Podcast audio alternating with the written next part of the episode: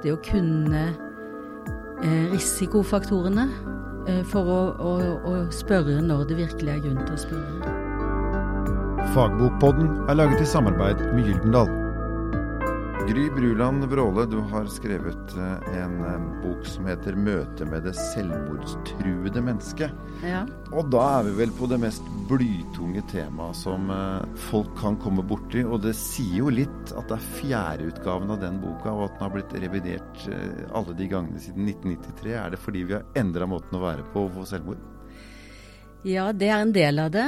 Eh, den første endringen kom vel mest pga. Eh, lovendringer som jeg ville ha inn. Men eh, den siste utgaven nå kom på bakgrunn av en, at vi tenker helt annerledes om det innen psykisk helse, og jeg vil si også innenfor selvmordsforebygging generelt. Ja, jeg husker jo også så, vi som journalister. Da eh, Da jeg begynte som journalist i 1989, så fikk vi en klar beskjed om at selvmord omtales som hovedregel ikke.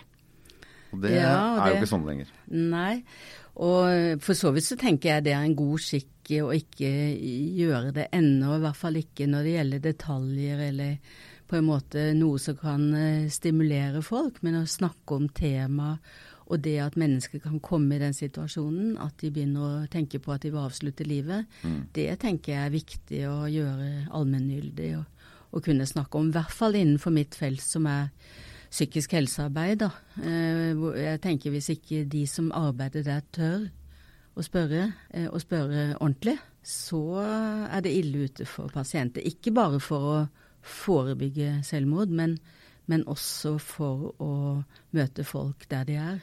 For, foruten å være da eh, lektor og nå emerita, altså kvinnelig versjon av emeritus, eh, ved VID vitenskapelig høgskole, så har du jo drevet som eh, psykiatrisk sykepleier et, eh, i veldig mange år. Du har mye erfaring?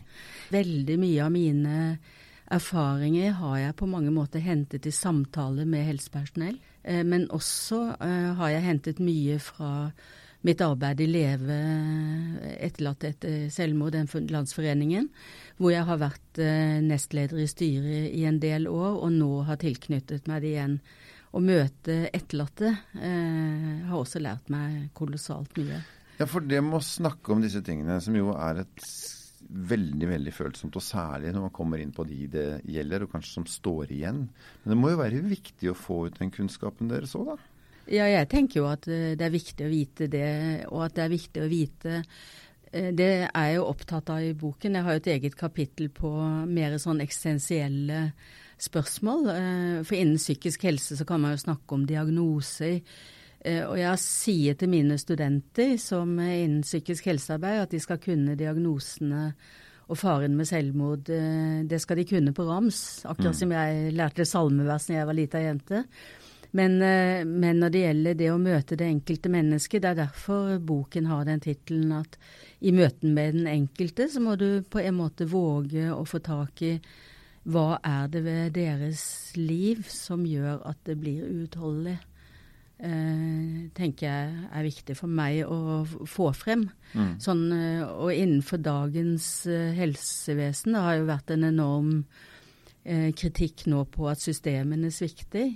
Eh, hvis man på en måte blir så opptatt av systemene at man mister fokuset på mennesket, både de som jobber i feltet, men også pasientene og etterlatte pårørende, mm. Eh, så er det veldig alvorlig. Så det er jo sel selve det å, å, tørre å gå inn i mer eksistensielle spørsmål, det å våge å gå inn og snakke om håp, eh, og gå, våge å gå inn og snakke om mening. Eh, og, tørre å ta sånne temaer inn i samtale. Livsmot f.eks. er jo et spennende tema, syns jeg. Det, altså, jeg tenker på uh, hele problematikken rundt, rundt, selvmord, så er det på en måte et menneske som på sett og vis har kommet i en eller annen situasjon som ikke er positiv for seg selv, må vi kunne, kunne si. Ja. Um, men er det ikke fort gjort å på en måte begynne å styre og uh, gjøre noe feil også, hvis man skal forholde seg til en person som er uh, såkalt da, selvmordsutsatt? Innenfor selvmordsforebyggende arbeid så finnes det et kurs som heter Vivat førstehjelp ved selvmord, som er et veldig eh, spesifikt inn mot å tørre å spørre og få tak i problematikken. Og der snakker vi mye om dette med at du kan nesten ikke spørre feil, for den andre vil jo også korrigere hvis det ikke er sånn. Og jeg gjorde det selv overfor en venninne som ble enke, hvor jeg tenkte at nå, nå rakner det. Men hun var forsikret meg da nei, det er ikke aktuelt for meg. Hun var ikke der? Hun var ikke der, og jo, da begynner vi på nytt igjen. Så det er litt sånn skal man spørre rett på, eller mm. gå rundt grøten? Um, ja, men, men, hvis du først får den tanken, er det da inni mitt hode? Mm. Og det vet jeg for mye helsepersonell, så er det for, hvis du har opplevd selvmord, så kan du komme til å bli veldig redd. Det ble jeg selv etter første selvmord jeg erfarte. Mm. Og da kan du kanskje på en måte spørre ut fra deg selv mer enn den andre. Så du må jo, Det er derfor jeg sier det er så viktig å kunne eh, risikofaktorene eh, for å, å, å, spørre når det virkelig er grunn til å spørre. Jeg tror denne boken min er så alminnelig skrevet at folk flest kan lese den. Det, du er ikke veldig akademisk? Nei, jeg tror ikke jeg er akademisk. Og jeg har fått liksom av forlaget beskjed om å, å, å være praksisnær. Men jeg mm. tror den er alminnelig skrevet, og jeg vet at den har vært brukt eh, både av etterlatte pårørende, den mm. har vært brukt eh, av folk ansatte i kirkelige eller menigheter. Og jeg tenker at det kan være en bok som gir kunnskap til folk flest. Den behøver jo ikke å leses fra perm til perm. Men du har ikke noe religiøst snitt i din bok? Nei, det er i hvert fall ikke meningen. for Nei. jeg tenker det, Men jeg har et etisk snitt, tror jeg. Mm. Eh, og det må jeg som helsepersonell og sykepleier må være tydelig på det. Men dette er jo et etisk ansvar for noen og hver av oss. Ja, samtidig som vi sier jo at andres selvmord er ikke din skyld. Nei, og men det er, men, men er det vårt ansvar likevel? Ja, det med ansvar er jo et Ansvar og skyld er to forskjellige ting? Ansvar og skyld er eh, på en måte sammenblandet og to forskjellige ting. Ansvar, eh, ansvaret ditt som mor mm. eh, er jo der veldig tydelig når det gjelder ungdom og barn. Og så på et eller annet tidspunkt så kan du ikke ta ansvar for den siste handlingen. Mm. Men det å kjenne et personlig ansvar er jo forskjellig kvalitativt fra det å ha et formelt juridisk ansvar. Mm. Og inne i psykiatriske institusjoner så ligger det mye formelt juridisk faglig ansvar. Men likevel så vil det personlige ansvaret være der og kunne fremkalle en skyldfølelse som, som vi kanskje gjerne vil trøste folk for det var ikke din skyld. Men samtidig, hvis ikke vi tør å snakke om det, åssen er det å kjenne på den skylden? Eller skammen. For det, akkurat der kjenner jeg på en måte, for jeg skjønner at i fagmiljøene så er det klart at da ligger det juridiske ansvaret. Der ligger på en måte den der, der skal ting gjøres uh, optimalt riktig i forhold til hva vi tror er best. Mm. Men det er klart at så lenge du kommer inn i folks private liv, en, en far, en mor, en søster, bror, venn, venninne, eh, så er plutselig den, den emosjonelle ansvarsbiten ganske ja, heftig. Du, du, skjønner, den er mye der uh, også hos helsepersonell, men ikke på samme måten, selvfølgelig. Jeg vet at mødre, det har vært noen studier som ble gjort for en del år tilbake, Eh, så kan mødre eller fedre kjenne på en sånn dobbelt stigma. Altså du stigmatiseres eller får en sånn merkelapp på deg både fra utsiden, men du gir deg også en selv. Hvis du, ditt barn velger å ta livet av seg? Ja, Så du kan kjenne på det selv, at jeg er en dårlig mor, men andre kan også formidle det. Hva har du gjort som mm. noe, må, noe, må, du ha gjort. Må da, noe, noe, må, du ha gjort feil. Noe må du ha latt være å gjøre, ikke sant. Mm, mm. Eh, og de, disse følelsene ligger der også fordi vi er mennesker når vi behandler pasienter. Og jeg, snak, jeg har hatt veiledning med veldig erfarne psykiatriske sykepleiere som eh, jobbet ute med pasienter etter, etter et selvmordsforsøk, når de overlevde. Og det de sa, det er verst når pasienten er på alder med ungene våre. Mm. For da er det for likt. Ikke sant? Sånn at vi ansvar, ansvar er jo en uh, det er jo å svare på noe som eh, angår deg på en eller annen måte. Men hvordan, altså den følelsen overfor Som man tenker på hvis en forelder opplever at et barn tar livet av seg, så, så, så, har du jo helt rett i at folk tenker sitt. Denne moren har kanskje vært for fraværende. Dette har vi hatt i toppolitiske miljøer i Norge og, mm. og debattert. Mm. Eh, eh, det har vært for fraværende, noe gjort feil her osv. osv. Eh, bommer vi hver gang da? Eller kan det være riktig òg? Kan ikke vite. Det er akkurat som når du møter et selvmordsnært menneske, så må du møte det mennesket og det mennesket spesielt. Dette er noe av det som Nå kommer det sånne pakkeløsninger i psykiatri eller psykisk helse. Og så tenker jeg at det er forskjell på skreddersøm og konfeksjonssøm. Mm. Du må tilpasse det. Sånn at uh, hvis, jeg da, hvis jeg hadde mistet mitt barn en, uh, Nå har jeg ikke noen unge barn lenger, men jeg har mine barn for det. Ja, ja, barn er barn. Så måtte de møtt meg som Gry. Mm. De som skulle hjelpe meg. Mm. Og det, altså, det er på en måte både å bruke generell kunnskap om det å være etterlatt og det med selvmord, men det er også det å kunne møte det enkelte mennesket. Derfor har jeg tittelen 'Møte med det mm. selvmordstruede mennesket'. Så det høres ikke ut som vi som sitter et stykke unna skal ha så mange meninger om det, egentlig? Nei, det hjelper i hvert fall ikke de som er etterlatt. Nei. Eh, og det er jo laget eh, noen filmer fra Leve hvor, som viser dette veldig tydelig, at de har på mange måter stor nok belastning selv, og, mm. og det er bedre å møte dem i, i, det de kjenner på. Og det er mange måter å gjøre det på uh, uten å måtte snakke om det eller anklage folk. Og kanskje er det også mulig å tenke at uh, de aller fleste mennesker har faktisk gjort sitt beste? Ja, det tenker jeg at ingen har vel uh, på en måte vært onde med vilje mm. og villet det onde. Men dette med anklager er jo å øke skammen og skylden. Og jeg hadde en ung sykepleier en gang som hadde mistet en pasient ute i kommunehelsetjenesten. Og hun eh, var helt fortvilet. Og det hun sa til meg, jeg hadde et intervju med henne, at, at hvis noen hadde anklaget meg, mm. det hadde jeg ikke tålt. Nei. Og det, så jeg tenker, det kan være, hun, var, hun, hun var, hun var så selvkritisk selv at det Ja, det var mer enn nok. Ja.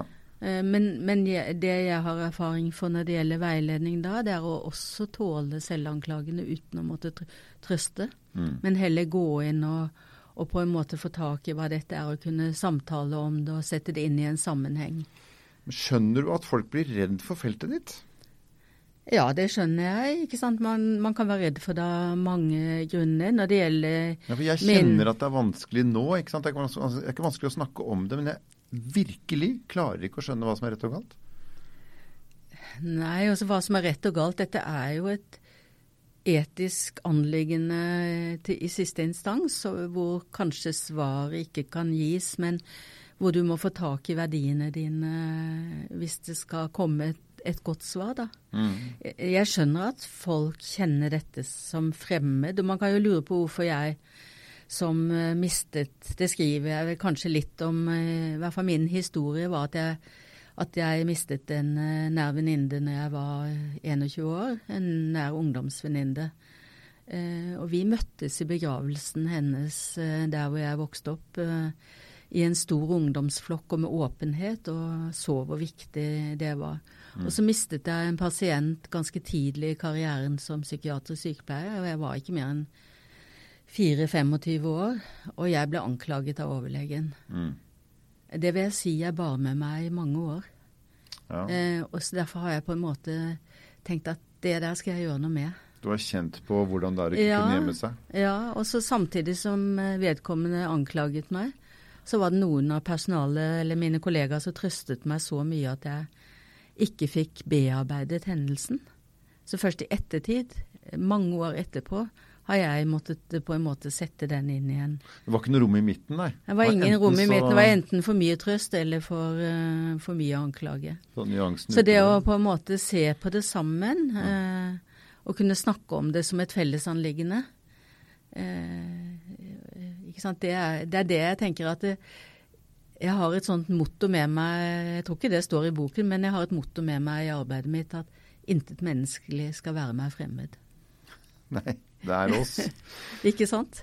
Du skriver jo, eh, foruten å skrive om følelser og reaksjoner ved selvmord, som er det vi snakket litt om nå, altså det etiske, og juridiske utfordringene, så skriver du også om praktisk selvmordsforebygging.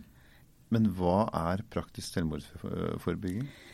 Det tenker jeg er um... Både for en sykepleier, men også for en forelder nær en eller annen som bare er redd hver gang man ikke har den personen i synet? Det er veldig stor forskjell på en pasient som er, altså hvordan vi gjør det på en pasient som er innlagt, og hvordan det er i heimen. Mm. Eh, jeg tenker hjemme, hvis det er sånn, så handler jo det om å, å være nærværende. Kanskje gi litt ekstra på nærvær og gjøre ting sammen. Spise sammen, spørre åssen ting er. Være litt ekstra oppmerksom. Du kan ikke drive selvmordsforebyggende arbeid hjemme når det virkelig er fare på ferde, hvis ikke du er i samarbeid med noen. Mm. Så jeg tenker da trenger du Det er viktig å få hjelp. Jeg syns det er for tøft, eh, enten det er våre gamle foreldre eller Selv om jeg har ikke noen gamle foreldre lenger. Men, eller om det er barn eller unge. Det er jo sjelden med barn. du sier søk hjelp ganske fort? Ja, jeg tenker det er viktig å søke hjelp og hø høre hva en kan gjøre, og prøve å få inn en second opinion hvis det virkelig er selvmordstrussel. Det er jo veldig forskjell på om det er en streif tanke. Hvordan vet man det, da? Nei, da må man snakke med barna sine, eller Men Hvis de ikke vil si noe? Nei, da tenker jeg Unger, kanskje unger i en viss alder vil ofte ikke si noen ting. I hvert fall ikke til mor og far. Og jeg Nei. tenker der er jo helsesøstertjenesten en veldig viktig forebyggende effekt som er lettere å gå til. Hun er jo, skal jo nå være i skolene. Mm. Og det er litt annerledes å gå til en helsesøster enn å gå innen psykisk helse, da. På et DPS eller en barnepsykiatrisk. Men, det, men det du sier at uansett, hvis du, hvis, hvis, hvis du lurer og kjenner at, at det Jeg ville rådført meg Ja. som eh, foreldre, og så ville jeg Ikke stå aleine rundt det. Nei, ikke stå aleine, eh, tenker jeg. Men inn i en eh, Og jeg tenker det som er forebyggende, det vi vet er jo det med gode sosiale bånd. Altså, det er jo en gammel teori av en som heter Durkheim, som skriver om de sosiale bånds betydning. Og det er jo ikke snakk om kontrollerende bånd som mm. styrer ungene, men det er snakk om gode, tydelige, nære foreldre eller andre besteforeldre eller hvem det er, som, eh, som er der samme hva. Leve litt på siden av hverandre, eller ved siden Ja, av det vil jeg si, og bry seg mer eh, enn kanskje man syns godt er. Jeg husker jeg, jeg har jo hatt barn selv, og gutt og en jente, og gutter i en viss alder. eh, Dette vil han kjenne igjen hvis han hører på podkasten, og det kommer han sikkert til å gjøre. Um, dårlig. og det var at i en viss alder så vil, var det lite å se til. Han, han var mye på gutterommet. Ja. Og da inviterte jeg også Donald til middag. Mm. Altså jeg godtok at han leste Donald. For gutter i en viss alder er jo veldig tause ofte. ja, og kanskje er det nå eh, gamingen som også skal inviteres til eh, middag. Til middag, ikke Mm. sant? Ja. Ikke bare være en fiende. Eller i hvert fall å kreve noe med måltidene, som måltidenes betydning og samværet. Eller det å, å true seg litt på å gjøre noe som er annerledes. Ikke være så forsiktig. Ja. Men jeg tenker at folk er for lite sammen. Mm. Ok, Så det å være sammen som folk, det, det er praktisk selvmordsforebygging, egentlig? Ja, det tenker jeg. Sosiale bånds betydning. Altså det med Det er ikke ensomheten, men det å ikke være innlemmet i et fellesskap. Det er, tenker jeg, viktig å være oppmerksom på. Men så er det kanskje veldig mange uh, former for alenehet òg. Selv om man skulle være aldri så sosial, så kan man være alene i seg selv i kroker av tilværelsen. Ja, og jeg tenker noen trives med det, og andre trives ikke med det. Så det er jo forskjell på det òg. Kommer vi, Gry Bruland Vråle, noen gang til å klare å lage et samfunn som ikke har selvmord? Ja, dette er jo en diskusjon om en nullversjon. Fordi det har man hatt i trafikk, trafikken. Men Det er lettere å sikre veier og biler enn å, enn å justere livet sånn at man kan bli helt trygg. Eh, Så jeg eh, er i tvil om det, og jeg tror at hvis man også har en Dette er min mening eh, privat. Eh, at hvis man har en nullvisjon, så kan man komme til å ikke snakke om det som rører seg under. Særlig for helsepersonell, at det kan bli et ideal. Og? Det var det overlegen sa til meg den gangen. Dette har aldri skjedd før i vår avdeling, sa han. Det hadde det. Det vet jeg. Gry Bruland Vråle, tusen takk for at du kom. Takk for at du lånte øre til Fagbokpodden, som er laget i samarbeid med Gyldendal.